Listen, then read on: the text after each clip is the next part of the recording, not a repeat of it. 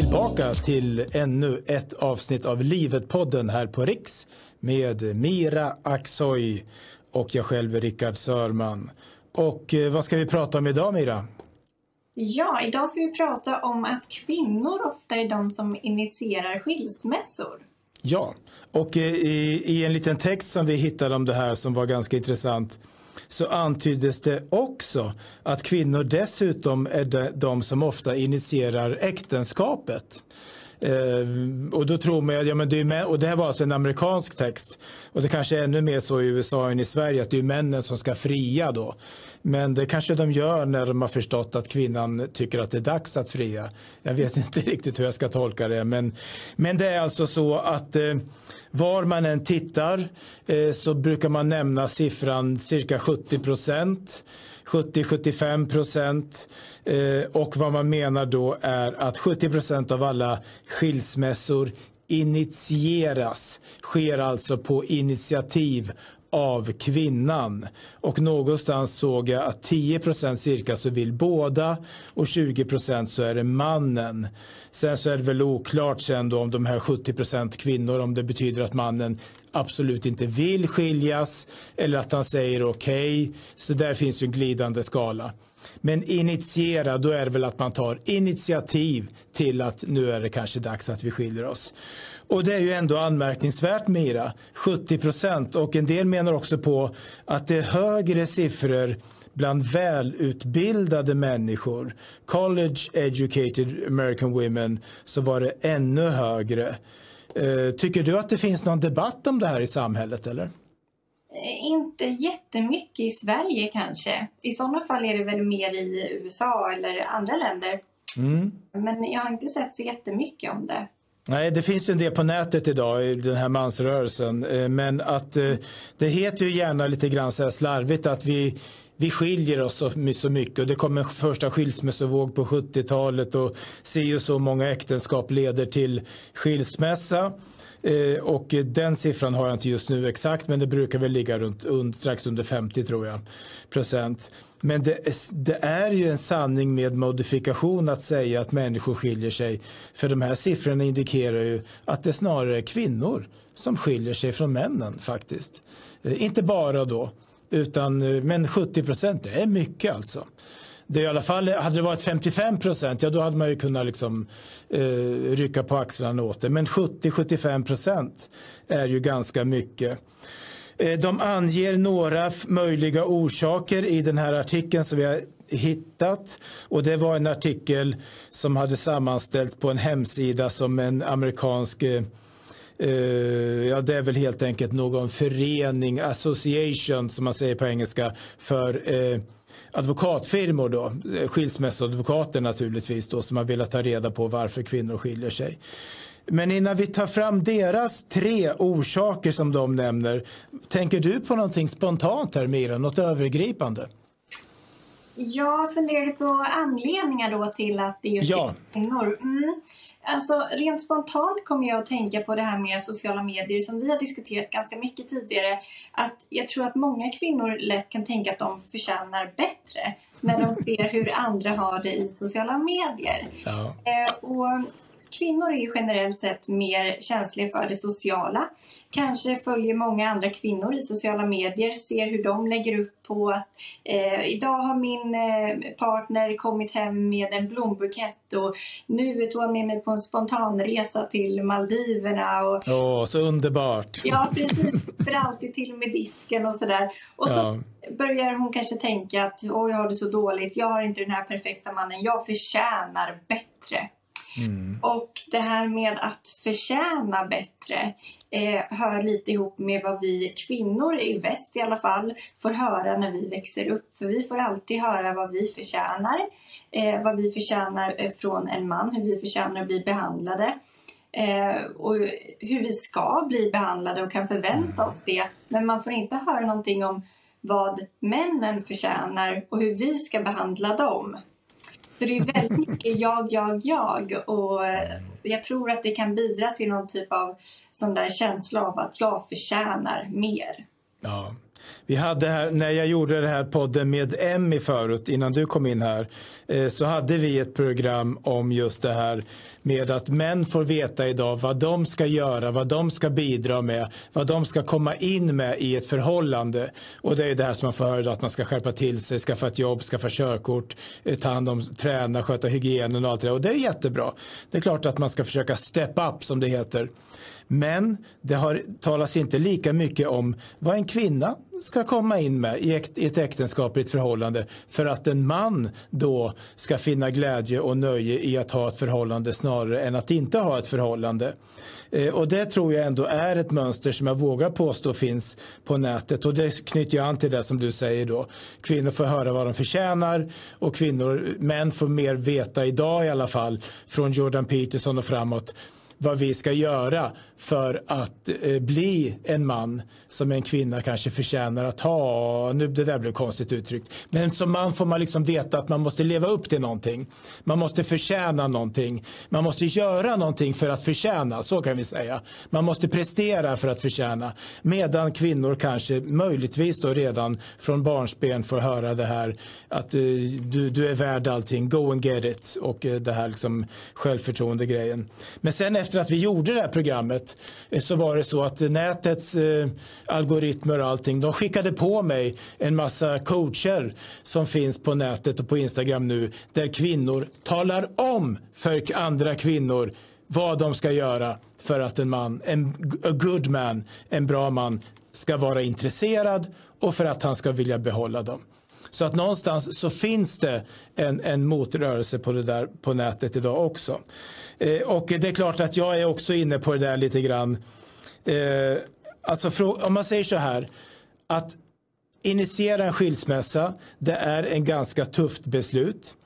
Man, eh, man har lovat varandra trohet. Man kanske har barn och man vet att de eventuellt kommer att bli lidande av skilsmässa. Sen så kan man alltid säga jo men de hade fått lida ännu mer om vi inte hade skilt oss. Och det kan ibland kanske också vara sant. Någonstans så är det något av en egoistisk handling. Och jag säger inte att den alltid är orättfärdig, för vi människor måste också få tänka på oss själva. Det kan inte vara så att vi ska offra oss själva för allting. Men det är någonstans en egoistisk handling. Och det blir kanske så när man förklarar orsaker till skilsmässor att man tar då bara de här aspekterna som handlar om att människor och ofta då kvinnor väljer att skilja sig för att de är offer för någonting. De tycker att männen inte tar ansvar. De tycker att, att de själva får ta för mycket ansvar. Och man tar in, helt enkelt inte upp de här sakerna som du är inne på. Att kvinnor kanske helt enkelt tycker alltså jag förtjänar någonting bättre. Eh, vilket då är liksom ett mer kanske ett mer egoistiskt så att säga, förhållningssätt. Eh, om vi ska ta, vi kan väl nämna först då, jag kan nämna dem så kan du reagera på det Mira. De här tre orsakerna som de här amerikanarna här hade hittat till att kvinnor tenderar att vilja skilja sig. Och den första var då det här med dubbelarbetet. Det vill säga fler kvinnor än män feel a pressure, det blir lite engelska här eh, de, de känner sig pressade alltså när det gäller att hantera både barn, hem och yrkesliv. Eh, och, eh, och till det så lägger de faktiskt till det ekonomiska också. Att kvinnor känner större oro än vad män gör tydligen, menar de i alla fall. Eh, över ekonomin, över att man kanske inte har råd att åka på semester, över att någon ska förlora jobbet. Och det här tar man då som en orsak till skilsmässa. Eh, mm. Låter lite konstigt egentligen. Vad tycker du Miriam om det här? Ja, just det här med ekonomi, säkert ingen aning. Men mm. jag tänker att det kan vara så här att många av de här kvinnorna som väljer att lämna sin man kan göra det av någon typ av eh, mittemellan-skäl kanske. Att eh, man kanske dras till den traditionella könsrollen eller de traditionella könsrollerna. Och man mm. som kvinna då till exempel och ta ansvar, eh, ta större ansvar för hemmet och eh, hålla på eh, hemma men ändå måste förvärvsarbeta. Ja. Eh, och att det då blir det här dubbla som du också var inne på där. Mm. Och att kvinnan då kanske kommer fram till att jag gör för mycket hemma. Men så blir slutsatsen kanske lite skev i mitt tycke. Eh, för då kan det bli så att hon tänker att mannen gör för lite. Exakt, mm. bra. Mm. Ja, när det kanske inte ens är så nödvändigtvis utan han kanske gör, eh, ja men han åstadkommer precis det han bör åstadkomma, rimlig mängd och hon gör för mycket. Eh, och det är ju det är ju ett problem såklart. Men slutsatsen blir ju fel. Det ja. blir ju att det är synd om henne och att det är han, det är honom det är fel på när det inte nödvändigtvis är så. Ja, min hjärnverksamhet går lite långsamt här i värmen som vi har här i studion. Det var precis det där, när jag sa här att det, jag fick inte riktigt ihop det. För det är väl liksom okej okay att man då tycker att man själv gör för mycket. Men man behöver inte skilja sig för det. Poängen är ju naturligtvis att de då menar att mannen gör för lite. Och att han inte tar ansvaret. Naturligtvis är det så. Eh, och där finns det en rad problem som du kommer in på här lite grann. Dels för det första är det så klokt att både ha yrkesarbete, krävande kanske, och ställa höga krav på sig själv att man ska kunna göra allting hemma. Eh, eller att båda ska göra det. Man kan ju faktiskt göra så att en jobbar, eh, att en jobbar och en stannar hemma om man har råd naturligtvis. Men man kan ju tänka sig att man gör det under en del av, av livet i alla fall. Eller att en person jobbar deltid eh, och eh, tar ett större ansvar hemma. Och sen så kommer det där som du är inne på att när, när man ser den här typen av argument man ser sällan då den här frågeställningen som borde dyka upp. Jo men är det så självklart att man alltid måste göra så mycket hemma? Är det liksom så rimligt att tänka sig att man då eh, ska ställa samma krav på att det ska vara städat, att allting ska vara planerat, att man ska ha liksom handlat för hela veckan och så vidare. Är det rimligt att ställa de kraven? Eh, det, det, är en annan aspekt. Och en tredje aspekt som jag tycker, eh, som jag kan känna igen här, hos mig själv i alla fall, och som jag vet att många andra män också eh, liksom, eh, känner igen sig i, det är det att de kom, om man kommer hem från, efter att ha skött ett jobb en hel dag, vare sig man arbetar fysiskt eller som vi här som sitter och försöker tänka och sen pratar så att säga, eh, jobbar med eh, kommunikativt. Som man är man helt slut.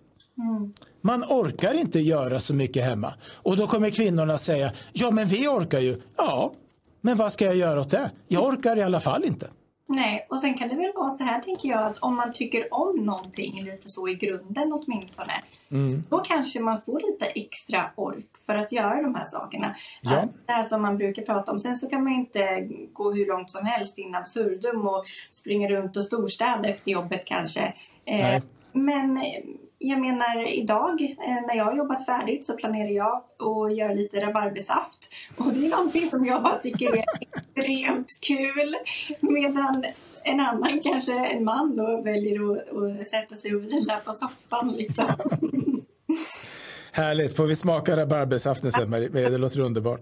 Ja, ja visst. Nej, men det är ju det här eh, generella, ah, vida problemet att eh, det moderna livet förutsätter ju att män och kvinnor ska fungera ungefär likadant. Då. Om både mannen och kvinnan ska förvärvsarbeta och sen så kan man tänka sig, ja men då är det rimligt att man tar ungefär lika stort ansvar hemma också. Men eh, det kan ju vara så att det kanske liksom är, vi är inte alltid så lika. Eh, och eh, det, det, det, ligger inte riktigt på samma sätt för män att orka. Eh, och det kanske, visst man kan kalla det för att män är lata, ja visst men gör det då. Men det är i alla fall så att män kanske inte orkar på samma sätt. Och det gör väl inte kvinnor heller för den delen eftersom de ofta går in i väggen, många av dem. Eh, så att där så, det har jag framfört ofta här på Riks och jag har fått kritik för det också. Det kanske finns det finns säkerligen många eh, orsaker för män att vara självkritiska. Jag förnekar inte det. Men kanske också ibland en del kvinnor borde fundera lite grann på här. Är det rimligt att jag dubbelarbetar som det heter? Kan jag ha så höga krav? Och är det rimligt att jag ställer samma krav på en man hemma som jag gör på en kvinna? Eh, det är inte säkert att det är rimligt. Nej. Nej, och, faktiskt. och sen kan man ju också fundera lite på, du säger det här, eh, vi har även pratat om det i något tidigare avsnitt minns jag, att man kanske tar på sig för mycket och städar för mycket trots att man egentligen inte har den här orken. Och då kan man ju fundera lite över, kan man inte, som du också har nämnt tidigare vet jag, eh, släppa lite på det här och prioritera relationen då om man märker att mm. den tar stryk på grund av att man själv gör för mycket. Måste allt det här göras nu? Kan det ja? Och så vidare. Mm. Ja. Och, där är, och vi kan också knyta upp med det du sa i början om sociala medier.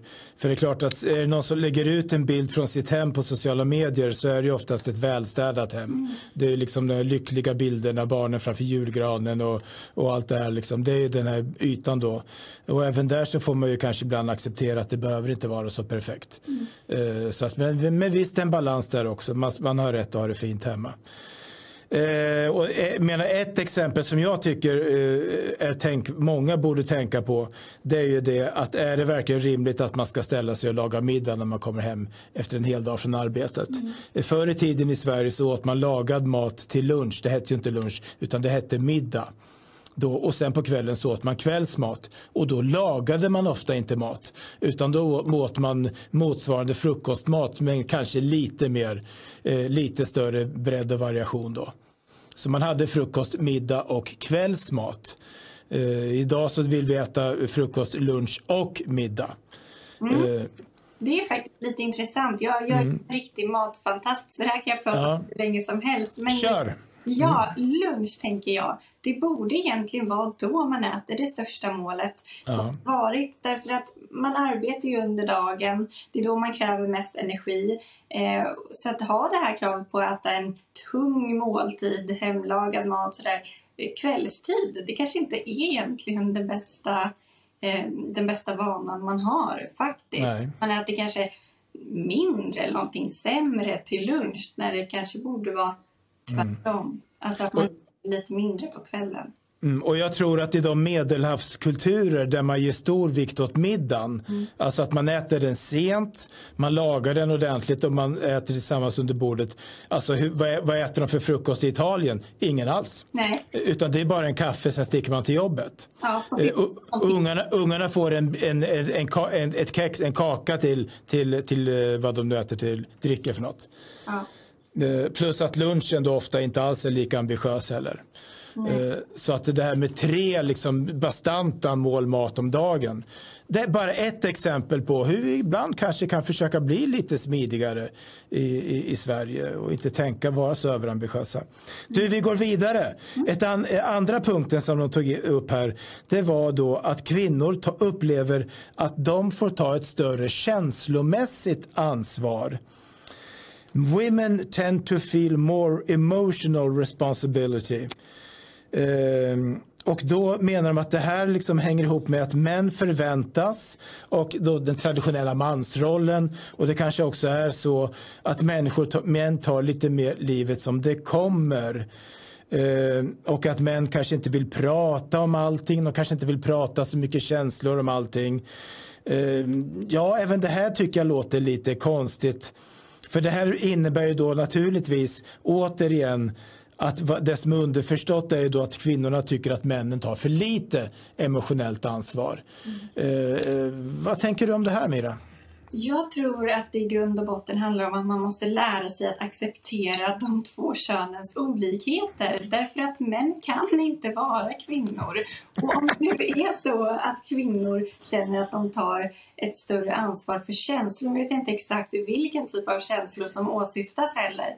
Nej. Men det kanske är så att män inte eh, reagerar eller agerar på samma sätt som kvinnor och då kan man inte heller förvänta sig att han ska göra det. Eh, och om man då tar det större känslomässiga ansvaret då som de kallar det. Eh, ja, då kanske det bara är så naturligt. Han kanske tar ett större ansvar för någonting annat. Ja, Både Buddha och Jesus var män och, eh, nu, och de lärde till mänskligheten, eh, tänk inte. Eh, Jesus sa det inte på samma sätt som Buddha, eh, utan stäng av känslorna och bara vara, bara var istället. Eh, alltså, och det, I och för sig så är det så att kvinnor idag appelleras mycket av mindfulness. Men jag tror, alltså många män, en sån här schablonmässig skillnad, och det brukar ibland ligga någonting i det, det är att män upplever att kvinnor vill ha ett drama ofta. Det ska vara mycket känslor, det ska pratas mycket, medan män inte orkar inte, man bryr sig inte, man vill bara ta det lugnt. Man har har inte alla de här känslorna. Man behöver inte processa lika, känslorna lika mycket utan man kan faktiskt eh, eh, hantera känslor genom att, eh, ja inte hantera känslor, man behöver helt enkelt inte känna lika mycket. Eh, och det här liksom gamla eh, kloka budskapen som kan finnas. Ta det lite lugnt så ordnar det sig eller försök att koppla av lite grann. Det har ju också ett värde. Liksom. Och det där kanske kan komma in här när män, med kvinnor och säger att män inte tar ett lika mycket stort känslomässigt ansvar. Nej, för att män kan inte ta ansvar för kvinnors känslor. Nej. Eh, om vi ska, nu låter vi att vi är lite antikvinnliga, jag vill, jag vill inte att det ska vara så. Men vi måste också här lyfta fram lite grann det som faktiskt saknas här, nämligen att män har rätt att vara män. Ja. Eh, eh, ja, förlåt, kör. Jo, nej, men jag tycker ju också då att de, de kvinnliga egenskaperna kompletterar ju mannens och tvärtom. Mm. Inte så här att det är dåligt då att, att kvinnan tar det här känslomässiga ansvaret. Utan som jag var inne på tidigare då att han kanske balansera upp det med, någonting annat. Och så möts de där och ja, man, man kompletterar varandra helt perfekt egentligen. Så det behöver, ja. Jag förstår inte det här med att alltid göra det till ett problem att, att män och kvinnor är olika. För det behöver inte vara det. Det är inte det heller. Och man kan inte förvänta sig att den andra ska vara precis som man själv och agera precis som man gör själv. Och så. Nej.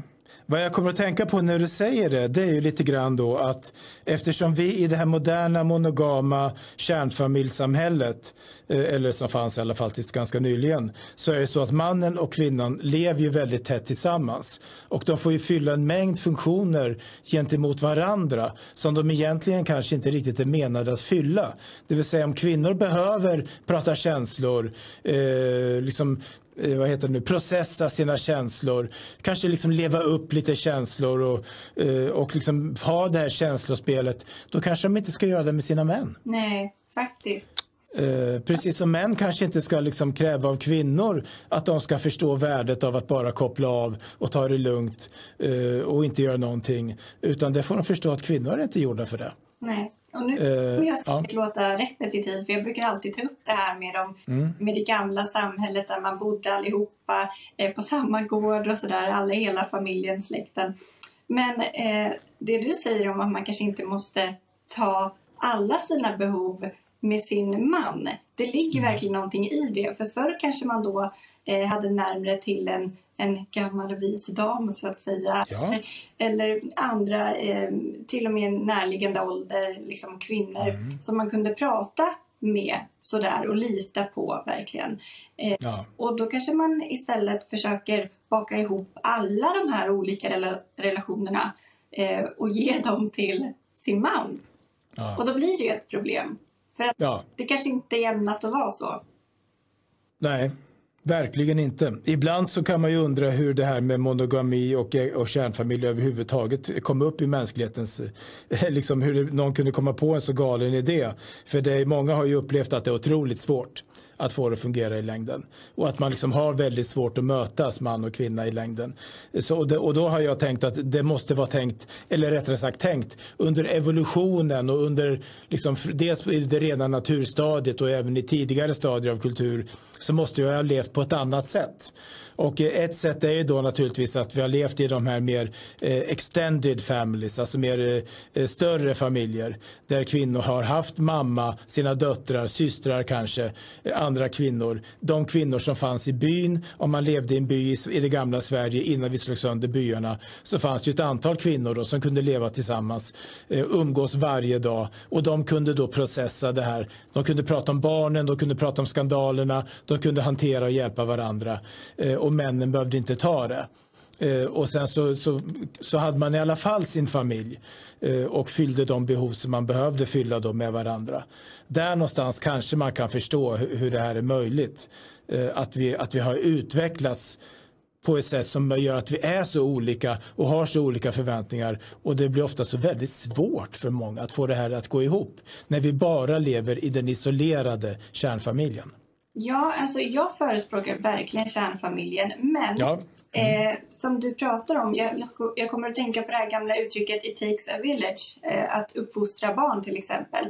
Och egentligen samma sak då eh, när det kommer till relationer som vuxna har till andra människor. Jag tror att förr i tiden då, du pratade lite om det här, hmm, jag undrar hur det var när man kom på idén med monogami och kärnfamiljen.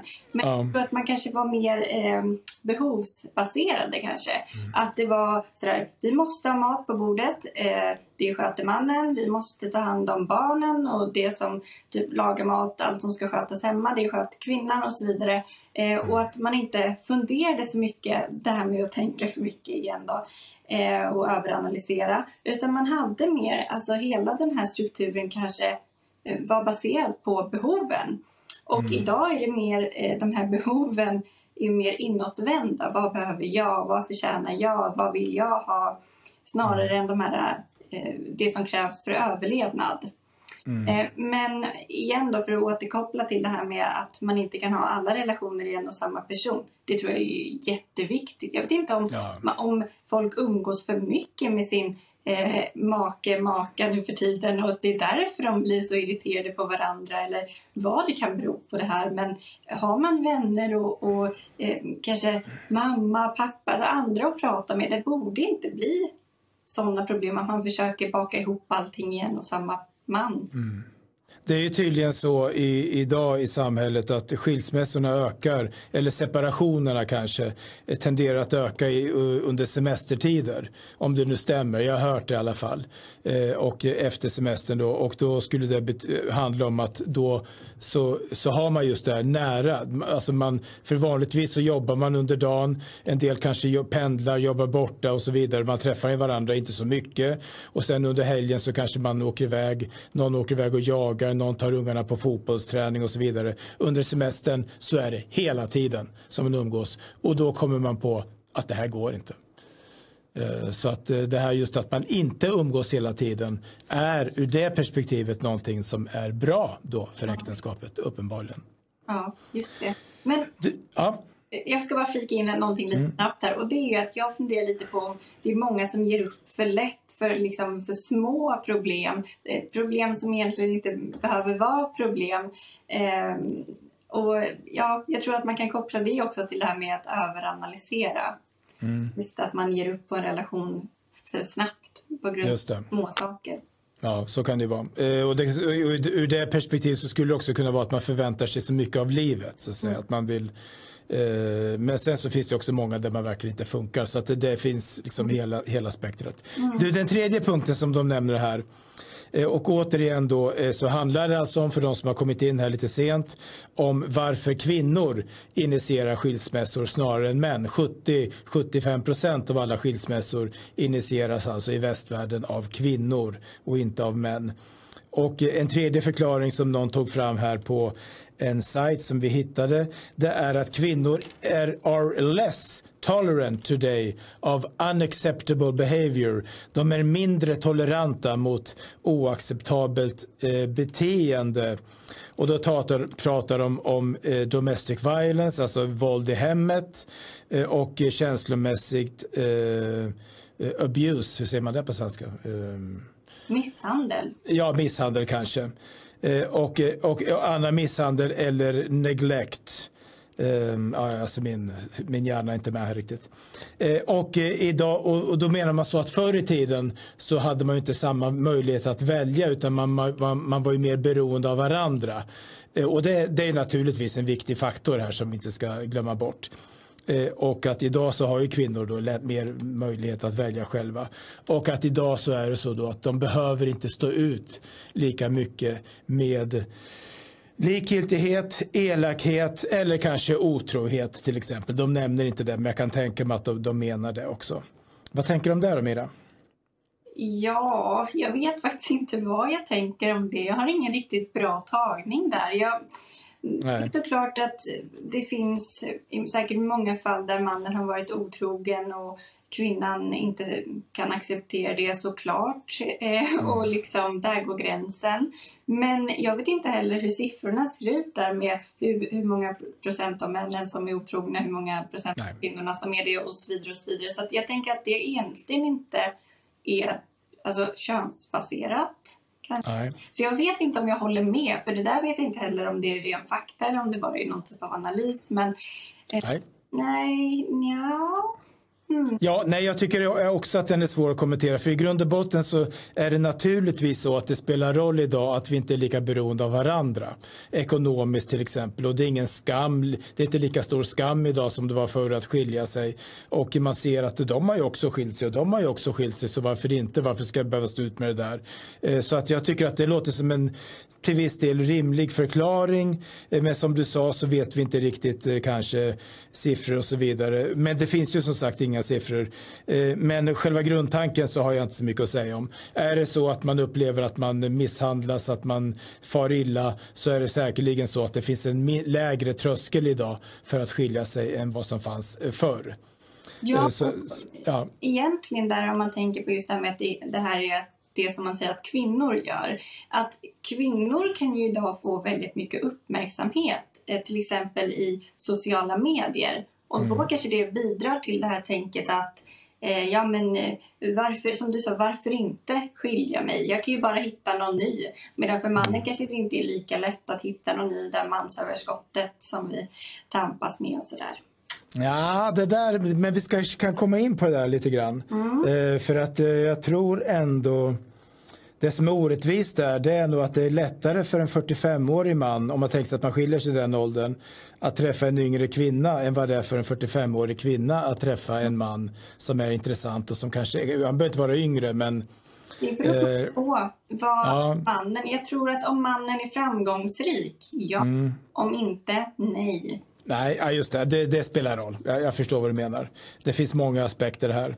Men vi ska komma in kanske på lite mer intressanta aspekter. För nu ska vi ta våra tagningar. Eh, och då blir det lite riksanalys här. Eh, Eh, och jag, min första då är så här, och då hakade jag på. Och nu har vi alltså lämnat då de här förklaringarna som kom på den där sajten som vi har sett. Och vi tar lite mer egna saker.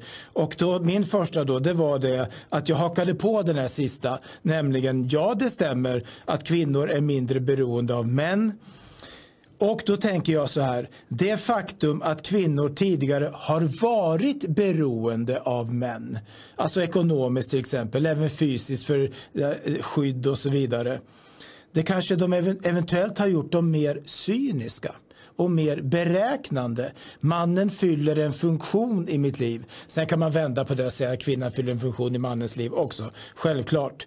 Men det är också som de skrev här någonstans. Det är kanske eventuellt så att kvinnorna driver på giftermålen. Men det är uppenbart att se eh, de här bilderna, fotografierna från den där underbaraste dagen i våra liv. Som man brukar prata om de här äktenskapen då när man gifter sig runt pingst och alla är så lyckliga. Det där är ju kvinnans fest. Det är ju hon som har den här fina bröllopsklänningen. Det är hon som står i centrum. Han står ju vid sidan av. Det, det vågar jag påstå i alla fall. Kvinnan driver det där. De kanske är lite mer pragmatiska, målinriktade här kvinnor. Det där vill jag ha. Jag har sagt till mig själv jag ska vara gift och ha barn innan jag är 35. Det kan man höra kvinnor säga. Jag har aldrig hört en man säga det. Och det där blir likadant sen även när man kommer på ja, men nu har jag varit gift i tio år. Jag fick mina tre barn. Vad ska jag med honom till nu? Mm. Äh, jag skiljer mig. Men och då kommer jag spontant att tänka på så här, kan det vara så att kvinnor ofta eller oftare väljer fel man. Alltså som inte kanske är deras själsfrände om man ska tala i sådana termer. Har man hunnit lära känna den här mannen tillräckligt eller är man så pass målmedveten som du säger? Jag vill gifta mig, jag vill ha barn nu, nu, nu. Eh, ja, men han verkar bra, jag tar honom. Kan du fria till mig nu?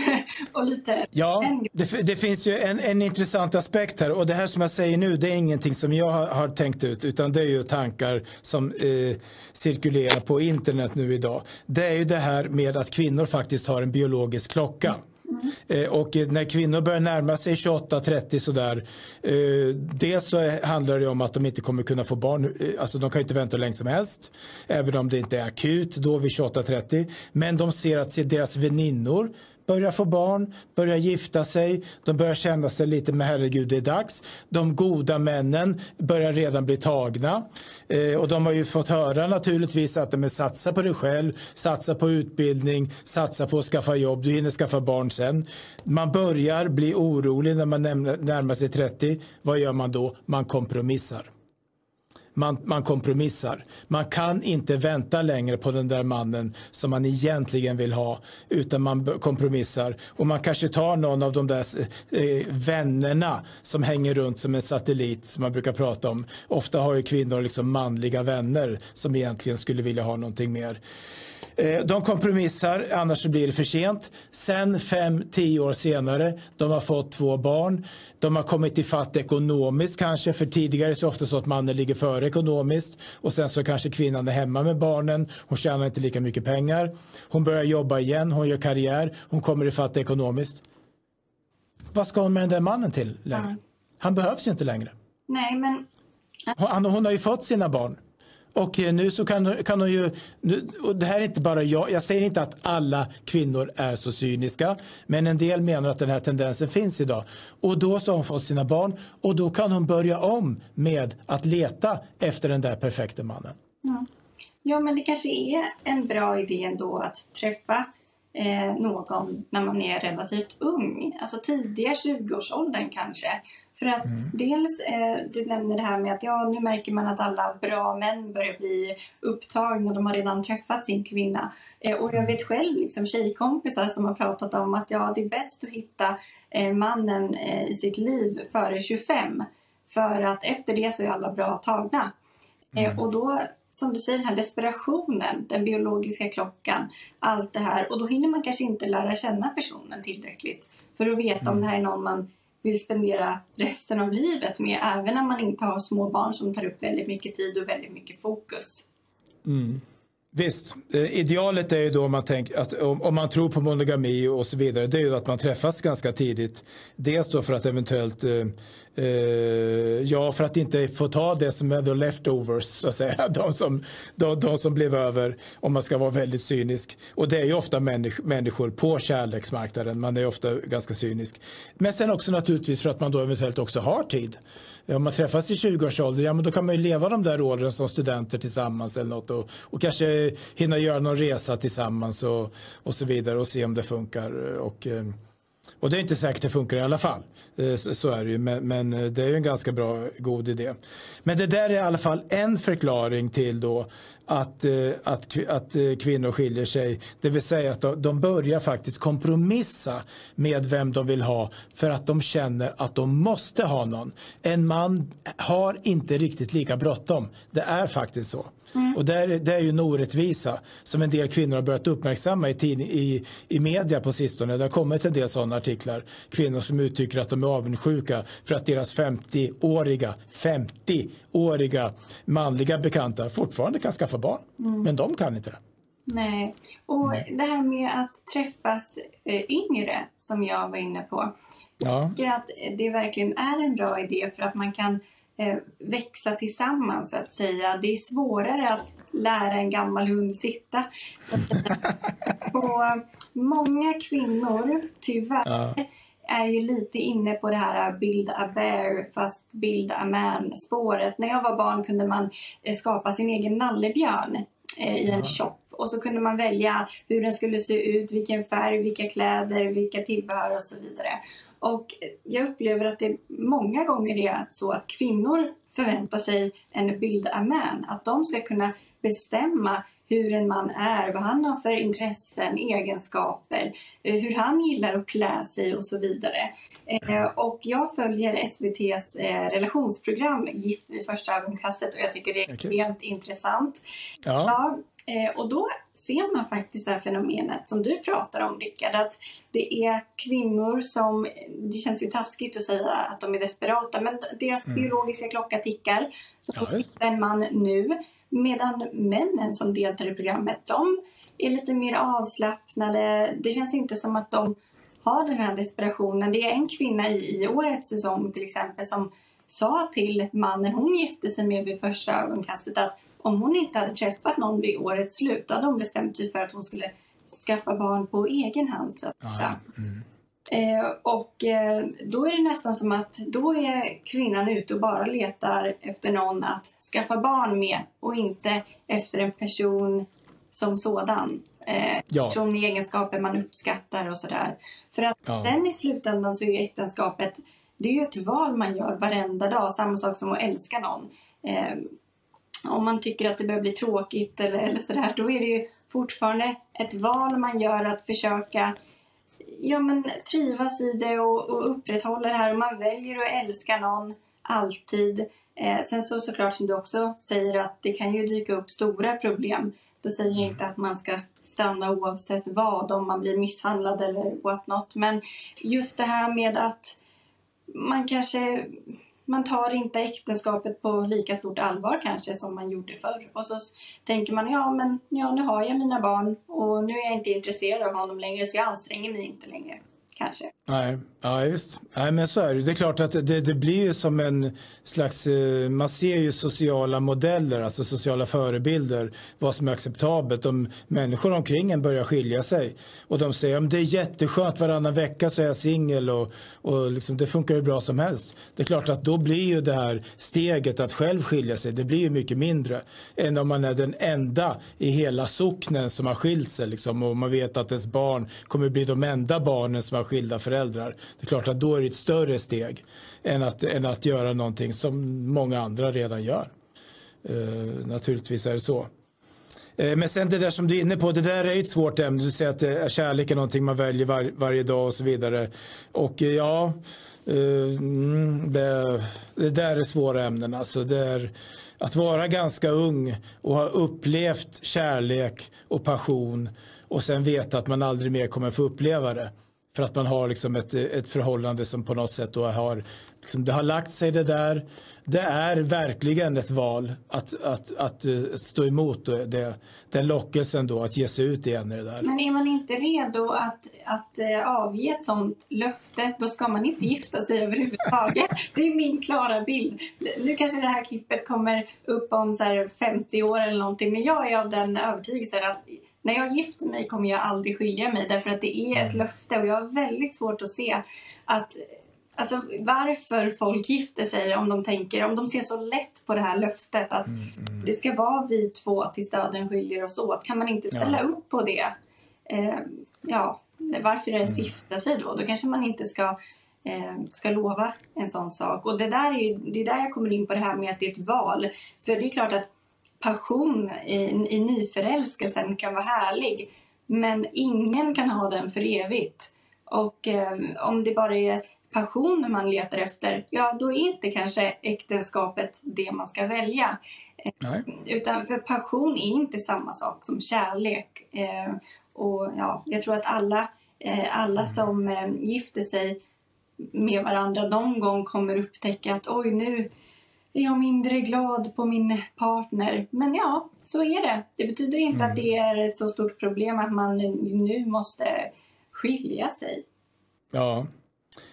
Eh, har du något, någon annan aspekt som du hade tänkt ta fram eller? Eller ska jag gå vidare med mina? Nej, du kan gå vidare med dina. Ja, eh, en annan generellt problem det är att eh, monogamin då som eh, förespråkas i Gamla Testamentet och som vi liksom, jag vet inte hur länge vi har haft i de nordiska länderna före kristendomen kom. Men den är ju liksom på något sätt ändå ett eh, eh, Alltså den går emot biologin så att säga. Och nu får du som ung moralist Mira protestera mot mig här.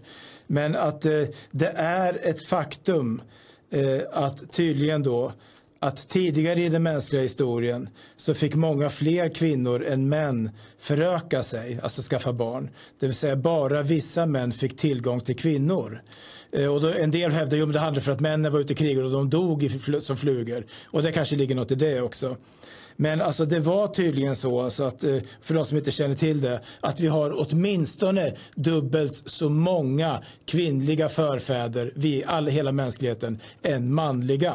Och det beror på att typ då bara hälften av männen, om vi säger att alla män fick, alla kvinnor fick föröka sig, vilket naturligtvis är omöjligt, men om vi tar det för att förenkla sig, för att förenkla diskussionen, så fick bara hälften av männen göra det. Eh, eh, och det betyder då helt enkelt att kvinnor är mer bara intresserade av status, män attraktiva män, män som de vill föröka sig med. De var, och, och eh, medan männen då var snarare så här att de som var starka och så vidare och, och hade den förmågan, de tog flera kvinnor. Eh, och det där är också en faktor som kanske spelar in någonstans i våra i människors sätt att tänka och som är svår att kombinera med vi, det vi ser som den klassiska livslånga monogamin där det finns en för alla så att säga. Vad tänker du om det här? Ja, alltså dels har vi ett mansöverskott idag och det, när man tittar på incelrörelsen så är det ju sällan man ser någon tjej. Jag tror aldrig jag har sett någon kvinna vara representerad där. Alltså Nej. en man som kanske jättegärna vill ha en flickvän, fru, skaffa barn, ha familj men inte lyckas med det.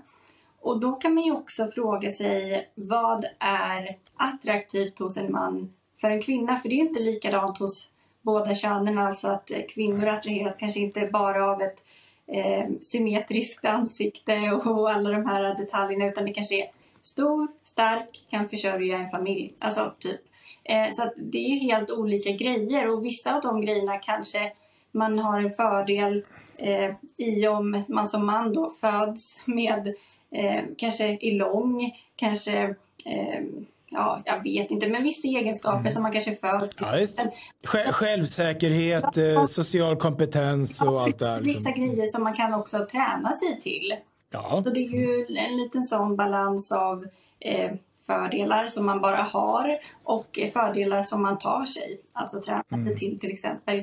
Eh, ja, alltså Alltså det finns, det finns flera aspekter, många, många aspekter. Ja. En, jag ska försöka eh, hålla några i huvudet. En är, och då får väl alla protestera nu, hur otroligt svårt det är för de flesta män att, att hålla sig till en enda kvinna livet ut. Det, är, alltså det går emot den manliga naturen. Förlåt mig Gud, men varför skapade du oss så i så fall?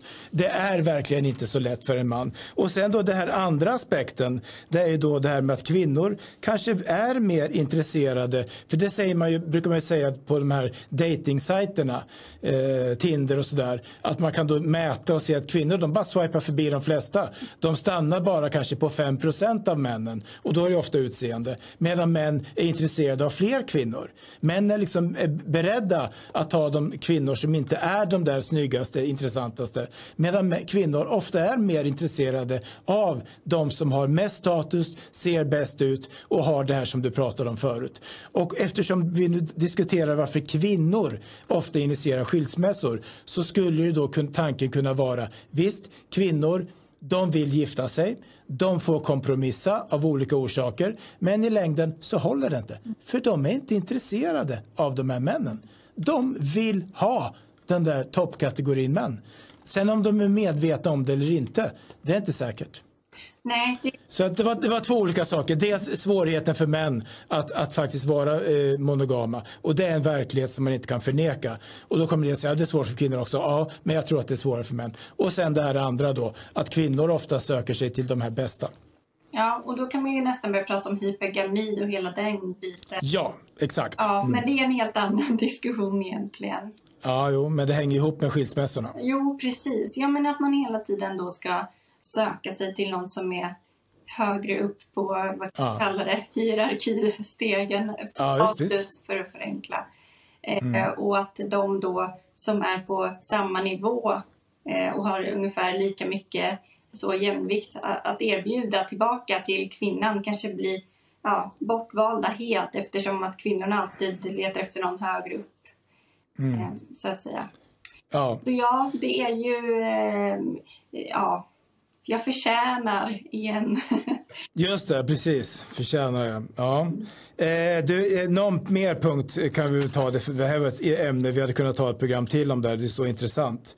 Eh, men om vi då går tillbaka till eh, frågan varför kvinnor eh, skiljer sig från män. Och sen så hörde vi de här tre punkterna i början. Kvinnor upplever att de får dubbelarbeta. Kvinnor upplever att de tar känslomässigt ansvar. Och idag så är de också mer självständiga. De behöver inte stå ut, de behöver inte vara missnöjda. Då tycker jag att det finns en svårighet, ett, ett, en intressant punkt som vi bör ta upp. Och det är det att i det moderna samhället så kan det vara så att det räcker inte med att män är män utan de förväntas också vara kvinnor till viss del. Eh, de förväntas leka med barnen, de förväntas hantera känslor, de förväntas liksom spela med i kvinnornas känslospel och de förväntas agera som kvinnor, alltså göra det som kvinnor har gjort tidigare. Precis som kvinnor då till viss del förväntas kunna vara män genom att de då ska engagera sig i vissa yrkeskarriärer. Men det som, jag tror att jag sagt det någon gång förut här. Idag när man pratar med kvinnor som skiljer sig, då kan man, då kan man höra att de säger att man, han var så oengagerad i barnen. Det var som att de inte fanns eller han tog inget känslomässigt ansvar och så vidare. Jag har aldrig hört mina föräldrar, båda födda på 30-talet, och de hade två föräldrar var då mina far och morföräldrar som aldrig skilde sig. Jag har aldrig hört dem säga om deras papper att de inte var närvarande att de inte tog, hand, eh, att de inte tog något ansvar för barnen. Jag är helt övertygad om att de aldrig följde med barnen till skolan, att de aldrig lekte med barnen, att de aldrig tog känslomässigt ansvar för sina kvinnor och så vidare. Och som man brukar säga, det är så bra exempel, Emil Lönnebergas pappa, han leker aldrig med Emil, förutom vid ett tillfälle. Eh, det finns ett tillfälle faktiskt. Eh, det vill säga, det räcker idag inte med att män är män. Utan de förväntas vara någonting mer. Och när de inte är det längre, ja då är de otillräckliga. Och då skiljer sig kvinnor. Mm. Vad tror du om det där? Ja, återigen, build a bear. Man vill bestämma hur mannen ska vara. Ja. Eh, och man kan inte acceptera att mannen är som han är. Nej. Eh, dels då med manliga egenskaper men också personliga egenskaper eh, som hör till just honom. Så att ja, absolut. Mm. Ja, jag tycker att det är intressant det där att man hör så ofta att män inte tar så känslomässigt ansvar och att de inte engagerar sig och så vidare. Herregud, när gjorde män det? Ja, och män kanske gör det på ett annat sätt. Alltså... De gör det på ett annat sätt. Ja. Mm. Det ska vara så de... samma lika alltid som mm. förväntat. Mm. Och det finns ju en, en djup okunskap idag vågar jag påstå. Jag pratade om det förut med Gunnar Sandelin i ett program som kommer här. Det kanske har kommit när det här programmet kommer. Det finns ju idag en djup okunskap om eh, man, mäns och manlighetens funktion i samhället. Eh, det, det, är helt uppenbart att, tycker jag i alla fall, våra tittare behöver inte hålla med, och att det har slagit över så att kvinnliga värden dominerar. Så att vi inte förstår till exempel värdet av att sätta gränser och att eh, hålla, hålla ogärningsmän från andra länder borta från våra kvinnor och våra barn. Så, säger man sådana saker i offentligheten då halshuggs man ju till exempel. Liksom. Ska vi säga någonting sist i alla fall, även om det inte är ämnet Mira, om resultatet för samhället för eh, samhällets, för, liksom, för barnen och så vidare konsekvenserna av alla skilsmässor. Vad tror du om det? Ja, inte bra såklart. Eh, jag tror att de här varannan vecka-barnen, ja, det, har, det vet jag i och för sig. Det finns ju jättemånga som har vittnat om det. Eh, att man blir stressad och inte känner sig hemma någonstans och det är ju far och fläng och det är liksom aldrig någon trygg punkt. Eh, att föräldrar ofta bråkar, det hör ofta ihop med en skilsmässa. Att hela ens värld bara försvinner under ens fötter och att allting förändras. Ehm, jag tror att barn far ofta väldigt illa i skilsmässor ehm, och det är säkert jättemånga som som tycker att man kan inte bara stanna för barnen om man eh, avskyr varandra och, och så vidare. Ja, men Alltså det är, när man har barn då är ju barnen i första hand ehm, och eh, sen finns det ju såklart saker som kan bidra till att det är lite så förståeligt att man skiljer sig. Men mm. eh, ja, jag tror att det inte är bra för barn att föräldrarna skiljer sig. Nej. Nej, alltså det här är ett ämne som intresserar mig jättemycket. Alltså, och jag tycker att just det här att barn far så illa av skilsmässor, vilket jag är övertygad om att det är så. Eh, och att eh, man undrar liksom hur, hur klarade sig folk förr i tiden? För då kanske man inte skilde sig, men folk dog ju som flugor när de var unga. Eh, jag vet att min, farfar, min farfars far dog i 40-årsåldern i cancer till exempel. Idag kanske han hade överlevt med modern sjukvård. Och, och då han lämnade sin fru och sex små barn. Hur klarade sig de? Och det har ofta varit så att det fanns ett, ett, bredare nätverk. Nu vet jag inte exakt hur de hade det då för hundra år sedan, men det som vi var inne på förut, kärnfamiljen var inte bara kärnfamiljen, utan det fanns liksom ett litet nätverk kring kärnfamiljen. Man hade eventuellt någon levande farfar, farmor i närheten, någon ogift, något ogift syskon som också bodde med familjen och så vidare, som skapade en kontinuitet. Uh, och uh, jag tror ärligt talat att som vi lever nu, så här kan vi inte hålla på. Mm. Det, I längden alltså, det, det, det, det går inte. Mm. Utan att vi måste faktiskt på allvar försöka börja fundera över. Och det är ingenting som man kan liksom från myndigheter kan tala om för människor. Utan det måste komma som en egen ny rörelse underifrån, från er som är unga. Att så här kan vi inte hålla på alltså. Mm. Utan det måste komma någon ny, ny förståelse för Eh, hur, hur, viktigt det är att vi har en kontinuitet i våra liv med trygghet, med anknytning, med, med stabila relationer som finns omkring oss. Mm. Eh, och att vi, det här med skilsmässor är inte bra. Alltså. Mm. Jag tror verkligen inte det. Och så kanske det finns någon som har lyssnat på det som tänker jo men man, det kan vara så att man gifter sig med någon som är helt hopplös och har att göra med. Ja, det finns psykisk sjukdom, det finns narcissistiska människor, det finns sadistiska människor och det finns jättemånga problem som vi också inte har hunnit tala om. Så att det, det är inte alltid så enkelt, så är det. Bra, nu har vi hållit på nästan en timme om detta mycket intressanta ämne. Mira, eh, ska vi nöja oss med det idag? Eller? Jag tror det. Svårt ämne. Eh, kontroversiellt ämne, lätt att trampa många på tårna och det har vi absolut inte haft för avsikt att göra. Eh, och jag säger absolut inte att jag är bättre än någon annan när det gäller de här sakerna. Men vi nöjer oss med det och Livet-podden är snart tillbaka här på Riks. Tack så mycket för att ni har tittat och lyssnat.